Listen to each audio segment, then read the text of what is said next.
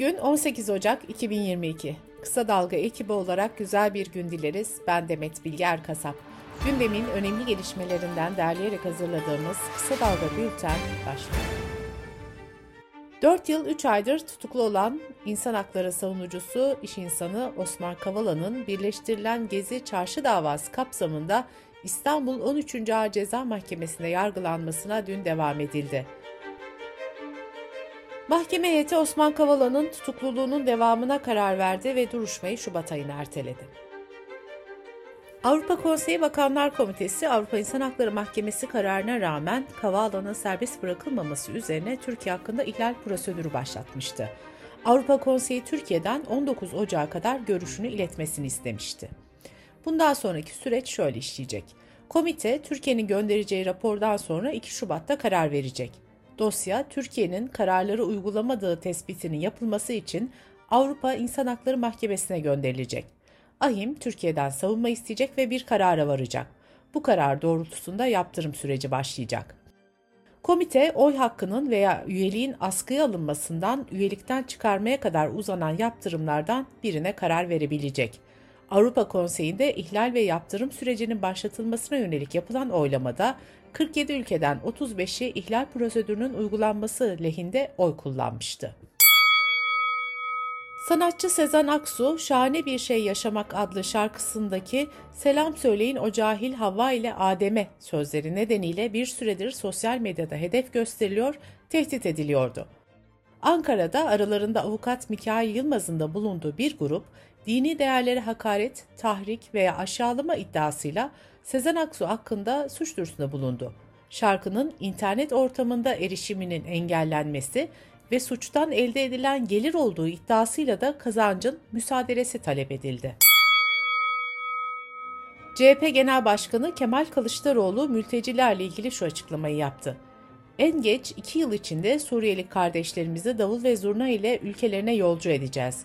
Onların kendi iradeleriyle kendi ülkelerine gitmelerini isteyeceğiz. Elbette gitmek isteyeceklerdir. Can ve mal güvenliklerinin sağlanmasını isteyeceklerdir. Bunun altyapısını oluşturacağız. İstanbul Büyükşehir Belediye Başkanı Ekrem İmamoğlu, Cumhurbaşkanlığının finansı hazır olmasına rağmen 300 metrobüs alımı ve İncirli Sefaköy Beylikdüzü metrosu için onay vermediğini belirterek projeler hazır, yatırımcılar hazır, finansmanı hazır.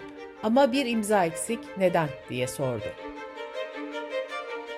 Anayasa Mahkemesi Diyarbakır'ın tarihi Suriçi bölgesinin Bakanlar Kurulu kararıyla önce riskli alan ilan edilip ardından bölgede bulunan 6292 taşınmazın acele kamulaştırılmasının mülkiyet hakkını ihlal etmediğini hükmetti. Yüksek Mahkeme bölgede taşınmazı kamulaştırılan Refike Gündüz'ün göç etmek zorunda kaldım, komşularımdan, geçmişimden koparıldım diyerek özel hayatına saygı hakkının ihlal edildiği iddiasını ise kabul edilemez buldu. Mahkeme bununla ilgili delil toplama görevinin olmadığını savundu. Ege Denizi'nde önceki gün saat 14.48'de 5,3 büyüklüğünde deprem meydana gelmişti. Profesör Doktor Naci Görür, bu depremin Marmara'yı belirli ölçüde etkileme potansiyeli olduğunu söyledi. Görür, biliyorsunuz bizdeki 1999 depremleri Yunanistan'daki fay kesimini etkilemişti uyarısında bulundu.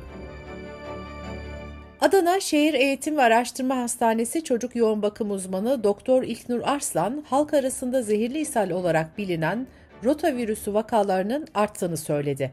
Bir yaşın altındaki bebeklerin virüsü ağır geçirdiğini ve belirtilerinin grip ya da diş çıkarma ile karıştırıldığını belirten Doktor Arslan, ölüme neden olabilen basit bir ishalden aşıyla korunmak mümkündür dedi. Covid-19 gelişmeleriyle bültenimize devam ediyoruz. 1-7 Ocak arasında vaka yoğunluğu bir önceki haftaya göre en çok artan 10 il açıklandı.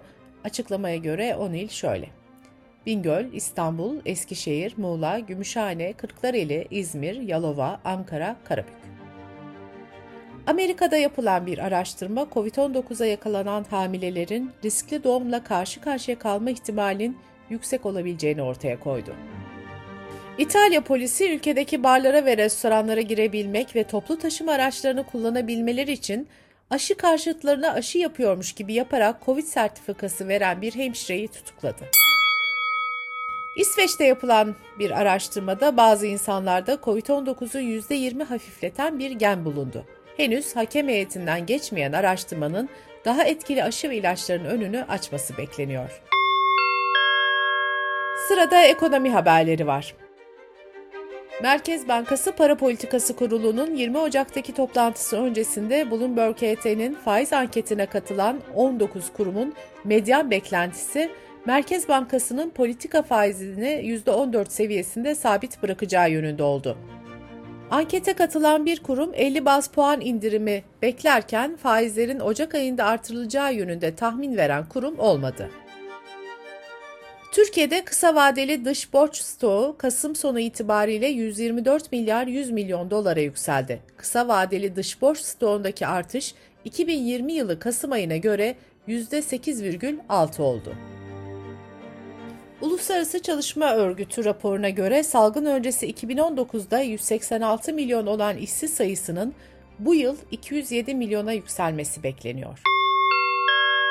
Dış politika ve dünyadan gelişmelerle devam ediyoruz. Arnavutluk'ta 2019'da meydana gelen deprem sonrası TOKİ'nin yaptırdığı konutlar Cumhurbaşkanı Erdoğan tarafından açıldı. Erdoğan törendeki konuşmasında inşallah bu temel üzerine inşa ettiğimiz dostluk devam edecek dedi. Kremlin sözcüsü Peşkov, Rusya'nın Küba ve Venezuela'ya füze konuşlandırma olasılığı ile ilgili soruları yanıtladı. Peşkov, Moskova ulusal güvenliğin sağlanması için çeşitli seçenekleri gözden geçiriyor cevabını verdi. Uluslararası Yardım Kuruluşu Oxfam'ın raporuna göre pandemi döneminde dünyanın en zenginlerinin serveti iki katına çıktı. Raporda salgının küresel eşitsizliği daha vahim hale getirdiği belirtildi. Raporda ayrıca 2019'a kıyasla bu dönemde çalışan kadın sayısının 13 milyon azaldığı ve 20 milyondan fazla kız çocuğunun okula dönememe riskiyle karşı karşıya olduğu vurgulandı. Nijerya'da onlarca motosikletli silahlı kişinin bir köye düzenlediği baskında 50 kişi hayatını kaybetti. Kebbi eyaletine asker takviyesi kararı alındı. Ülkede son zamanlarda silahlı kişilerin motosikletlerle saldırılar düzenlemesi nedeniyle bazı eyaletlerde motosiklet kullanımı yasaklanmıştı. Son olarak 4-5 Ocak'ta silahlı kişilerin Zamfara eyaletinde düzenlediği baskınlarda 200'den fazla kişi öldürülmüştü. Afganistan'da yönetimi ele geçiren Taliban, Paktiya şehrinde yerel bir müzisyenin müzik aletlerini ateşe verdi. Taliban 1996'da ülkenin yönetimini ele geçirdiğinde ülkede müziği yasaklamıştı. Ekim ayında da Taliban düğünlerde kadınların ve erkeklerin ayrı alanlarda bulunması yönünde kural getirerek düğün kutlamaları sırasında canlı müzik çalınmasını yasaklamıştı. Amerika'nın doğusunu ve Kanada'yı etkileyen kar fırtınası nedeniyle alarm verildi. Amerika'da 4 eyalette olağanüstü hal ilan edildi. Bültenimizi kısa dalgadan bir öneriyle bitiriyoruz. Geçtiğimiz yıl pandemi yanlış bilginin yayılmasının ne kadar hayati sonuçlara yol açabileceğini acı bir şekilde tüm dünyaya gösterdi.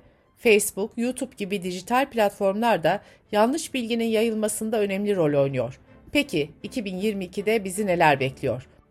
Eylem Yanardağoğlu'nun podcast'ini kısa dalga.net adresimizden ve podcast platformlarından dinleyebilirsiniz.